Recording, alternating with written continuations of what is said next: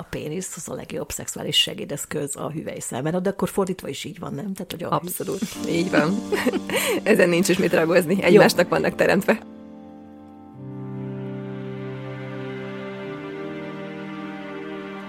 Csúcsra járatva, az a Sex and the Rock.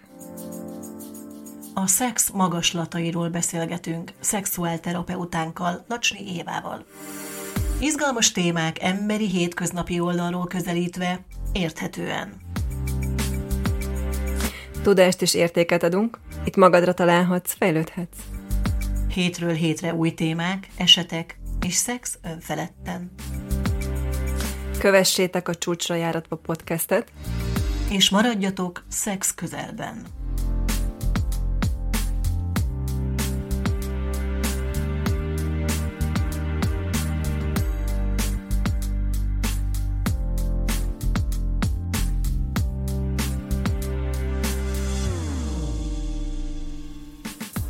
Ez itt a Sex on the Rock, vagyis a csúcsra járatva, és itt, ismét itt vagyunk Lacsné Éva szexuálterapeutával. Szia Éva! Szia Noémi, és szervusztok, kedves hallgatók! Igen, én pedig Kocsis Noémi vagyok, és ismét szex közeli témáról fogunk beszélni, méghozzá egy olyanról, ami tulajdonképpen a nulladik lépés kellett volna, hogy legyen ebben a podcast sorozatban, hiszen a mai témánk az, hogy mi a haszna, értelme és viszonyrendszere a rendszeres nemi életnek, szexuális életnek. Vagy is miért van szükségünk rá? Igen, miért van szükségünk rá? Egyáltalán hogy merül fel ez a kérdés? Nem egyértelmű, hogy szükségünk van rá? Valamiért abszolút külön kezeljük ezt a témát. Tehát az, hogy éhesek vagyunk, álmosak vagyunk, fáradtak vagyunk, az teljesen normális. De az, hogy szexuálisan hiányosak, éhesek vagy vágyakozók vagyunk, az valahogy még sincs benne. Így a kommunikációs csatornában és áradásban.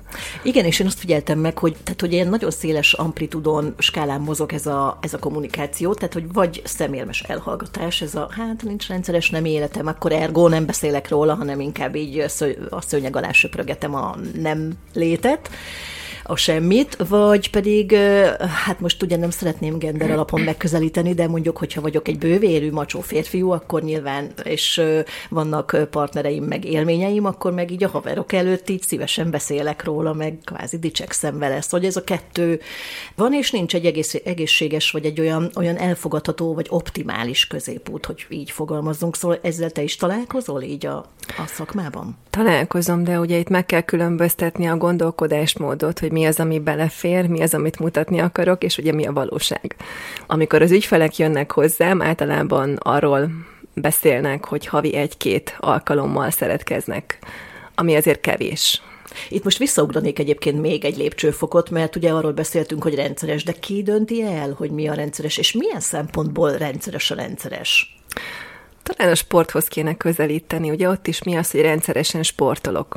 Biztos, hogy nem a havi egy, hanem inkább heti, olyan heti három. Azt mondják, hogy az már rendszeres. És szerintem ez a szexualitásra is ugyanúgy adaptálható, hogy akkor rendszeresen heti háromszor, az úgy nem ártana.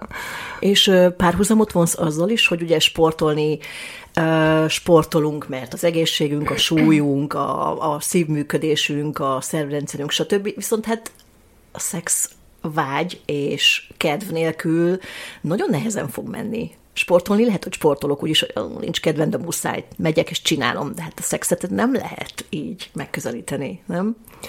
Hát lehet, vagy nem lehet, sokféleképpen közelítik az emberek. Igen, van, aki megfelelésből azt mondja, hogy hát most már idő van, kéne valamit csinálni.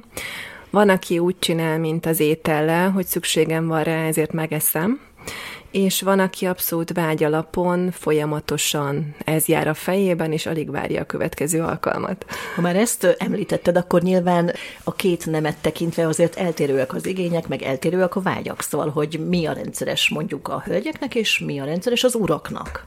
Azt gondolnám, hogy az egészségesen bekötött úri emberek azok bárhol, bármikor, tehát ez a legyet a reptéren nem véletlenül van benne a köznyelvben, tényleg, tehát minden nap vágynak rá, minden nap érdeklődnek, minden nap motiváltak, a hölgyek is, csak ez valahogy ilyen, ilyen látens lappangó vágy, és nagyon nehezen merik felvállalni.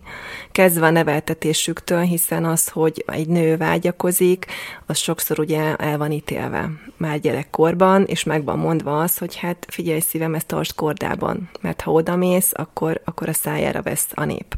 Olyan furcsa, hogy ezt mondod, mert hát nem a reformkorban, vagy a viktoriánus korban élünk, hanem a 21. században, tehát 2023-at írunk, és még mindig ezt tapasztalod? Hát ugye mi vagyunk itt 40 évesek. És ugye a mi gyerekkorunkban azért még ez volt a rendszer. A mi gyerekeink már másként nőnek fel, ugye sokkal több az információ, nyitottabb, szabadabb az áramlás, szabadabb a gondolkodásmód, de ugye pont a mi generációnk az, akinek egy nagyon nagy szakadékot kell átugrani, ugye a, a korlátolt gondolkodásmódból, főleg szexuális szempontból, oda, hogy, hogy szabadság van, és valamelyest önmegvalósítás vagy önrendelkezés. Képzelhető, hogy akkor a Z generációnak, vagy a következő alfáknak nem lesz ilyen problémájuk a jövőben, és nem járnak majd szexuálterapeutához? Ez most csak egy közbevető kérdés nyilván, de Persze, hát uh, itt a technológia fejlődése talán az, ami gátat szabhat uh, magának az érdeklődés meglétének, és annak, hogy tudatában legyek, hogy én most vágyban vagyok-e. Mert ha egész nap a számítógép vagy a telefon előtt vagyok, és elvonják a figyelmemet, akkor honnan tudnám azonosítani, hogy én valójában mire vágyok. Még a gyerekeimen is néha látom, hogy ha egy-két órát ugye a gép előtt töltenek, elfeledkeznek még arról is, hogy éhesek, szomjasak, esetleg pisilniük kellene, és mikor lecsatlakoznak, akkor hoppá, érzik, hogy inger van. Uh-huh. És ugyanezt történik a felnőttekkel is. Hú, ez nagyon izgalmas téma egyébként, mert ugye itt be lehetne hozni a virtuális szex, és ez, de nem menjünk most ebbe, most nem, nem ez a téma, nem, nem, nem, nem, hanem ugorjunk vissza tulajdonképpen, amikor ezt az adást terveztük, akkor akkor a vázlat alapján én, én láttam, hogy ugye két különböző aspektusból tudunk haladni tovább, tehát hogy van egy testi része az egésznek, és van egy, egy érzelmi, lelki attitűdje. Szerintem kezdjük talán a testivel, tehát hogy két egészséges felnőtt, egy férfi és egy nő, nekik fizikálisan, testi szempontból miért fontos a rendszeres nemi élet? Kezdjük talán először a nőkkel, mert hát mi is nők vagyunk, beszéljünk egy kicsit haza. Uh-huh. Jó, de végül is általánosítanám, és akkor majd rátérek a két nemnek okay. a, a különbségére. Alapvetően a szexualitás az pont olyan, mint elmenni a gymbe tornázni egyet mert hogy karban tartja a genitális szervrendszerünket, és innentől kezdve ugye a férfinál a pénészt, a nőnél pedig ugye a hüvely és a mély traktust, és pontosan azért fontos a penetráció, hogy mint amikor a nőgyógyász is, igazából a helyére teszi a mészájunkat. Penetrációt azért tegyük magyarul is. Ja, igen, igen, tehát hogy az aktusról okay, beszélünk, jó. így van, tehát vagy koitusról, de azért hmm. mégis itt a penetrációt tartom a Nagyon helyes, szép szó. helyes szónak, hát nem feltétlenül, de, de értsük jól, igen. Jó, oké, okay, rendben. Na, és a lényeg lényege az, hogy igazából az a hüvely traktus az a helyére kerüljön, hiszen a gravitáció által ugye ugye a mészájunk az tud süllyedni, és egész ugye egy prolapsziáig tud fajulni ez a dolog, főleg ott, ahol hajlamos, hajlamosító körülmények is vannak, illetve ugye a méh az, az le tud tapadni, akár van előrehajló, van hátrahajló méh, és ezt pontosan tudjuk ugye az orvosi témákból, hogy ez akár akadályát képezheti a, a fogamzásnak is tehát a gyermek fogantatásának. Én most behoznék itt egy másik P betűst, a prevenciót, mert hogy ugye a kor előharadtával, vagy nehéz fizikai munka, tüsszögés, stb. megerőltetés hatására is folyamatosan fizikai kihatásnak vannak ezek a szervek kitéve, tehát a mélysüllyedés például idősebb hölgyeknél gyakran borítékolható. Így De van. vajon akkor megfordítva, tehát a rendszeres nemi élet az a karbantarт annyira, hogy ezek a szimptomák nem következnek be, vagy esetleg később következnek be az, az életünkben? Elképzelhető ez? Elképzelhető, hogy egyáltalán nem következnek be, ugye, hogyha időben elkezdünk erre igazából energiát, időt, figyelmet fordítani, és akkor vagy rendszeres nem élet, vagy intim torna, vagy a kettő igazából nem az, hogy együtt, hanem egyiket a másik után. Oké, okay, ezt majd kivesézzük részletesebben, Igen. de ugye az előbb elmondtad a nők helyzetét, most akkor beszéljünk egy kicsit a férfiakról, a pasikról. A férfiaknál is ugye az állóképesség részét képezi, tehát aki magas vérnyomással küzd, valamilyen szívelengtelenséggel, gyógyszert szed, ugye az már önmagában csökkenti az állóképességet, és maga az aktus az, hogy rendszerességgel involválódik ebbe a folyamatba, az egyébként az egészségére, a közérzetére jó hatással van, tehát visszacsatolódik a folyamat az állóképességbe, és oda, hogy egy ilyen egészségmegőrző szerepet tölt ki. Arról nem beszélve, hogy a férfiaknál ugye segíti a prostatának a helyen, vagy a helyén maradását, és ugye ez nem 30-40 évesen fontos, hanem inkább 50-60-70 évesen, amikor már ugye akut tünetekkel keresik fel az orvosukat, vagy akár az inkontinencia, ugye, amit te is említettél, hogy egy tüsszögés is már ugye elcseppen akár a nőnél, akár a férfinál. Arról nem beszélve, hogy nagyon sokszor ugye az idős embereknél alvás megvonással jár az, hogy két-három óránként fel kell kelni, és ugye hát a, a hólyagot azt üríteni kell. Itt is visszautalnék az előző kérdésemre, hogy itt is visszafordítható a folyamat, vagy netán preventíven elkerülhető, hogy bekövetkezzen? Egy adott pontig visszafordítható, viszont hogyha nagyon elhanyagoltuk a testünket, azért már sokkal nehezebb. Tehát Vannak... szexel nem lehet mindent megoldani ezen a téren.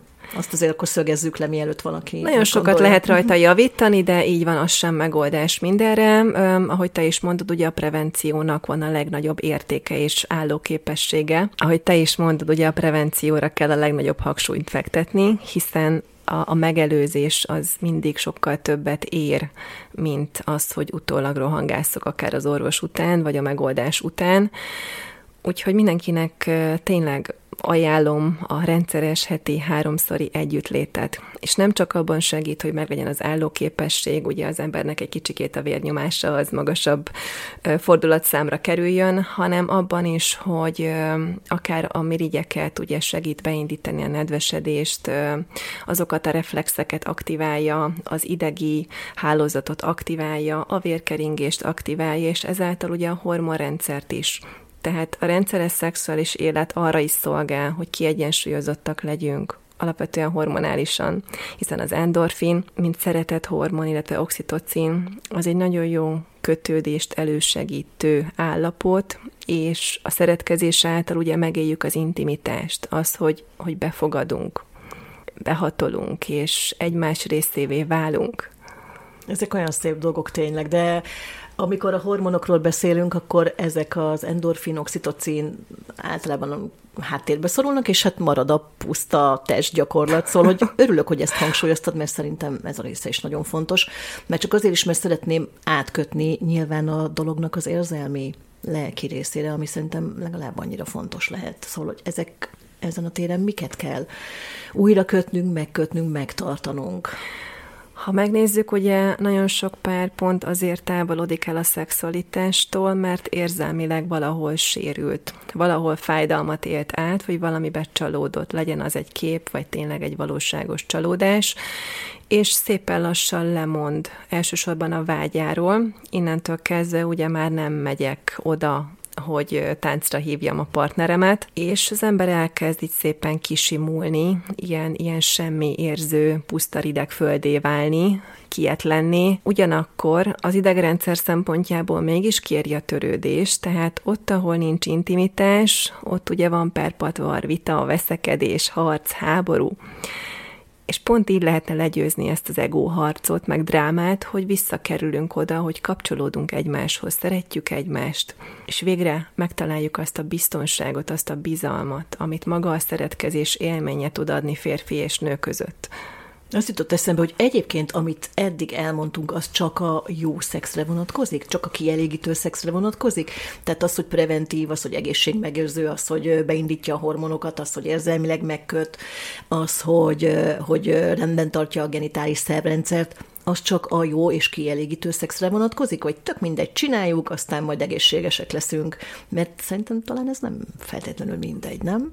Abszolút nem mindegy. Igen, és akkor itt jön be a következő fázis, hogy hogyan lehet ezt jól csinálni. És erre ugye nincsen egy ilyen, tehát ez nem egy exakt tudomány, hanem ez embere válogatja, és partnere válogatja, hogy kinek mi az, ami jó, hogyan tudok erre figyelni, és megvan ez az érdeklődésem, az a kíváncsiságom és megközelítésem, hogy azt adjam, amire éppen abban a pillanatban szükség van. És lehet ez egy nagyon finom inger, meg lehet egy szélsőségesen durva, akár extrém inger. Itt mindig a pillanat mutatja azt, hogy mi kell. És sokszor ugye az emberek ezt nem képesek megérteni vagy megfigyelni, hanem önmagukból indulnak ki, hogy nekik mire lenne szükségük, ők mire vágynának, tehát biztosan a másik is arra vágyik. És ugye pont ezért beszélik le másodszorban az emberek magukat a szexualitásról, mert kényelmetlen már elutasítani, kényelmetlen az a sok sikertelenség, vagy kudarc, vagy hát nem elég jó, nem üti meg azt a hatásfokot, amit az ember elképzel, vagy elvár. És akkor megint oda jutkodunk, hogy szépen legyaluljuk ezt az életünkből, igen, meg lehet, hogy túlságosan elmentünk az előbb afelé, hogy ez csak ilyen behatolás, befogadás, tehát maga ugye az aktus lehet, holott a rendszeres nemi életnek életben nem biztos, hogy csak ez tartozik bele, tehát hogy annyira széles a skála, tehát hogy a, akár az önkielégítéstől elkezdve a, a, a finom mozdulatok, a petting, stb. Szóval hogy ezeket is ide vesszük nyilván, és nem csak arra gondolunk, hogy akkor na, dur bele, tetszett a lábad, és hajrá anyukám. Szóval, hogy ugye erre De Igen, tehát nem a nemi szervek találkozásáról van szó, hanem, hanem a két lény találkozásáról, és azért mondom, hogy lény, mert a szexualitásban ösztönlények vagyunk és ott a két lény adja meg egymásnak azt a behatást, azt a, azt a hormonális injektálást, és reagálnak egymásra. És ott van vagy, vagy egy szinergia, vagy pedig valamilyen ö, valamiféle ellenállás, valami hiány, valami konfliktus, probléma. Nekem nagyon tetszik ez a kifejezés, és meg is jegyzem, ez a hormonális injektálás, mert akkor ezek szerint érzelmi injektálás is van a dologban, és ez valahol olyan szép szerintem, hogy... Igen, hiszen ezért szeretkezünk, ezért kérjük a másiknak a társaságát, a figyelmét, az érintését, a törődését, és nem magáért az aktusért. És ugye itt van sok tévképzet, főleg a nők fejében, hogy ha a férfi kezdeményez, akkor biztos, hogy aktust akar. És ugye már menekülnek, tehát mit zárunk el az első pontot? Nem, még a csokot sem engedem. Szó se lehet róla. Viszont kéne engedni, hiszen a nő és a férfi tánca az igazából bármely pillanatban tud egyesülni. A férfi kezdeményez, a nő pedig reagál. És ugye azért van ez a körtánc, hiszen a férfi azáltal, hogy pénisze van, ugye penetrál, tehát ő az, aki behatol, akár az intim terünkbe, akár a testünkbe, vagy a lelkünkbe. A nő azáltal, hogy hüvelye van, ő a befogadó, tehát abszolút reaktívak vagyunk. Ez nem jelenti azt, hogy nem tudunk irányítani, nem tudunk dominálni, de mégis elsődleges szerepünk az, hogy jól reagáljunk, és visszajelezzünk, visszaigazoljunk a férfinak, amitől ő még cselekvőképesebb lesz, még motiváltabb, és talán még jobb lesz az az együttlét. Egyébként milyen ősi, ilyen ösztönös érzelmi biztonsági faktorokat indít be bennünk ez az egész, tehát a rendszeres nemi élet? Az egésznek az alapja az, hogy bízom-e a saját testemben, bízom-e a nemiségben, bízom-e az emberben, az érzelmekben, és utána jön csak a partnerem. Hogy bízom-e az ő testében, az ő képességében, az ő emberségében, vagy az érzelmi minőségében. És ugye hát tudom, hogy most mire megy ki a játék, tehát hogy mi ennek a kérdésnek a mélyebb célja. Én a, saját munkásságom során fedeztem fel azt, és lehet, hogy erről a szakirodalom nem nagyon cikkez vagy ír, de hogy a szeretkezést én nagyon is össze tudtam hasonlítani az anya-csecsemő kapcsolattal, Um, amikor ugye a csecsemő világra jön, akkor rendkívül igazából kiszolgáltatott, sebezhető, sérülékeny, és abszolút szüksége van arra az anyai minőségre és gondoskodásra. És valahol ugyanezt a, ezt a sebezhetőséget, kiszolgáltatottságot éljük meg, és azt, hogy vágyunk a másik figyelmére, gondoskodására, törődésére, miközben ugye ha mindez jól sikerül, akkor megéljük a bizalmat és a biztonságot, amivel motiváltak leszünk újra és újra belengedni magunkat ebbe a cselekménybe. Tehát ösztönszinten abszolút az anya-gyermek, anya-csecsemő kapcsolathoz visz vissza minket, és ugye ez az, ami indukálja ennek a mélyebb szükségletét. Mert, mert nem az aktus tehát nem a, a nemi szervek találkozása miatt akarunk szeretkezni és együtt lenni a párunkkal, hanem az érzelmi köteléket vágyunk újra és újra megerősíteni. Az a fura egyébként, hogy hogy ha mindez így van, akkor például a külvilág, a társadalom miért nem erősíti ezt meg bennünk jobban? Tehát, hogy mindig az ellenkezője van felerősítve, felhangosítva. Ugye mindannyian találkozunk a rosszabbnál rosszabb viccekkel, a szexuálisan alultáplált nőről, vagy a férfi, hát általában inkább a nőről. Nem túl hízelgő, sőt, igazából nagyon csúnya kifejezésekkel szokták ezeket a hölgyeket illetni, mm, talán néha a férfiakat is, de inkább a nőket, de hogy valahogy a a társadalom nem erősíti meg ezt pozitívan, hanem inkább gúnytárgyává teszi, céltáblára állítja. Olyan jó lenne, hogyha ezen is egy kicsit lehetne változtatni. Nem tudom, te hogy látod ezt, és, és van-e bármilyen reményed arra, hogy ez idővel majd elsimul, és egy kicsit változik? Változik, de ugye Masterről indultunk.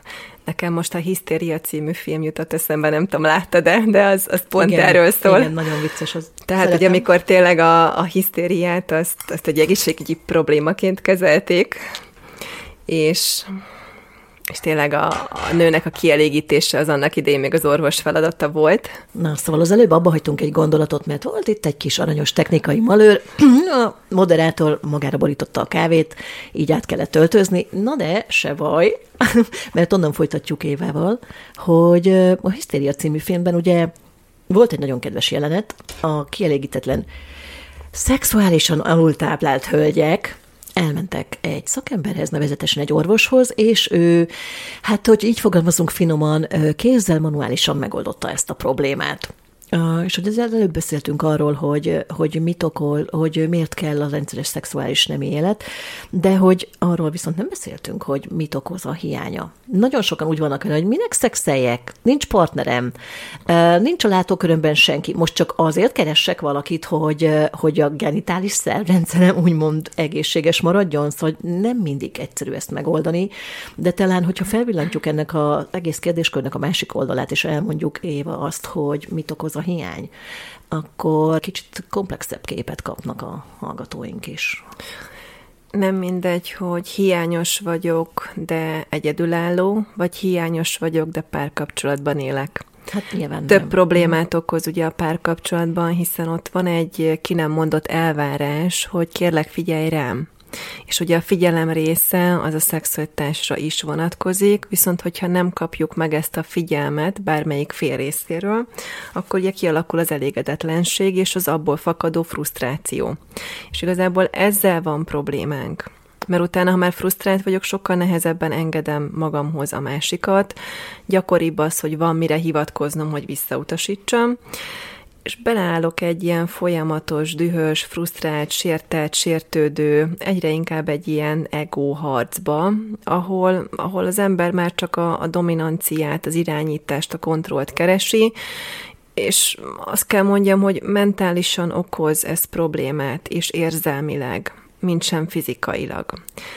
Fizikailag inkább úgy okoz, hogy ugye az az ideg, ami nincs stimulálva, az egy picikét úgy elalszik. És nem mindegy, hogy az ideghálózatunk az mennyire aktív és mennyire responsív, főleg ugye ott a klitoris területén de akár más erogén zónáknál is.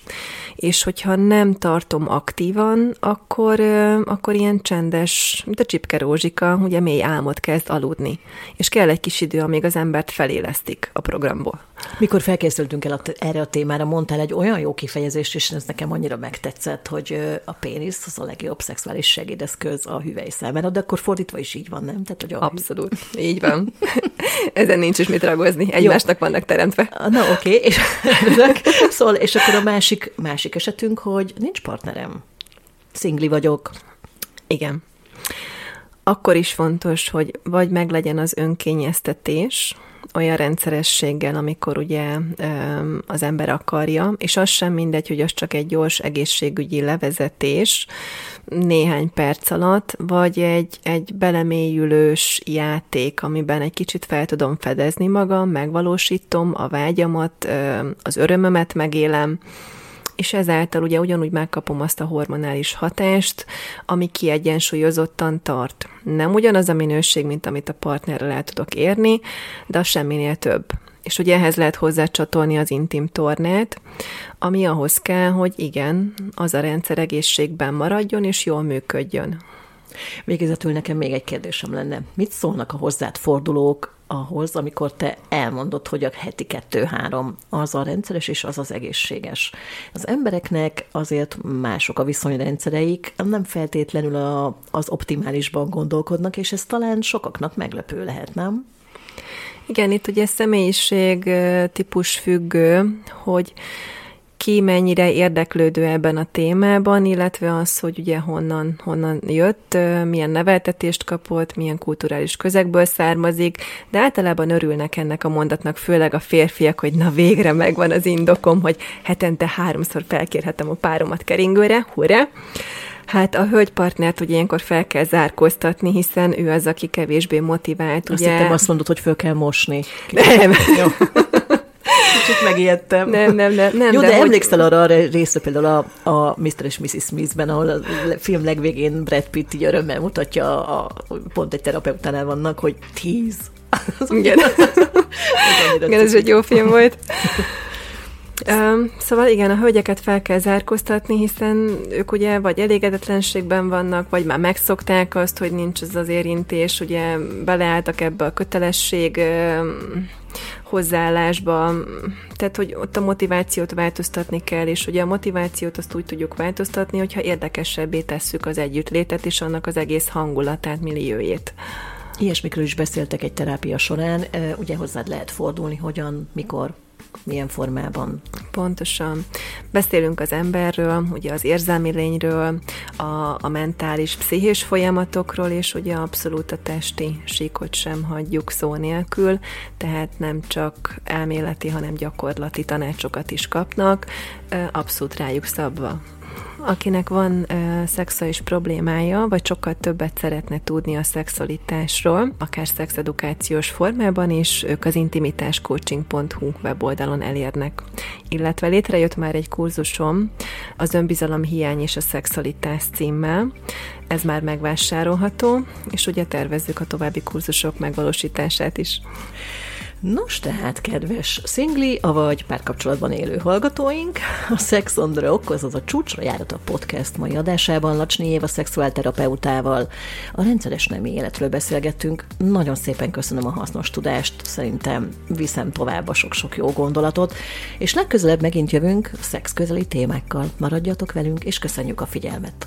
Köszönjük a figyelmeteket, sziasztok!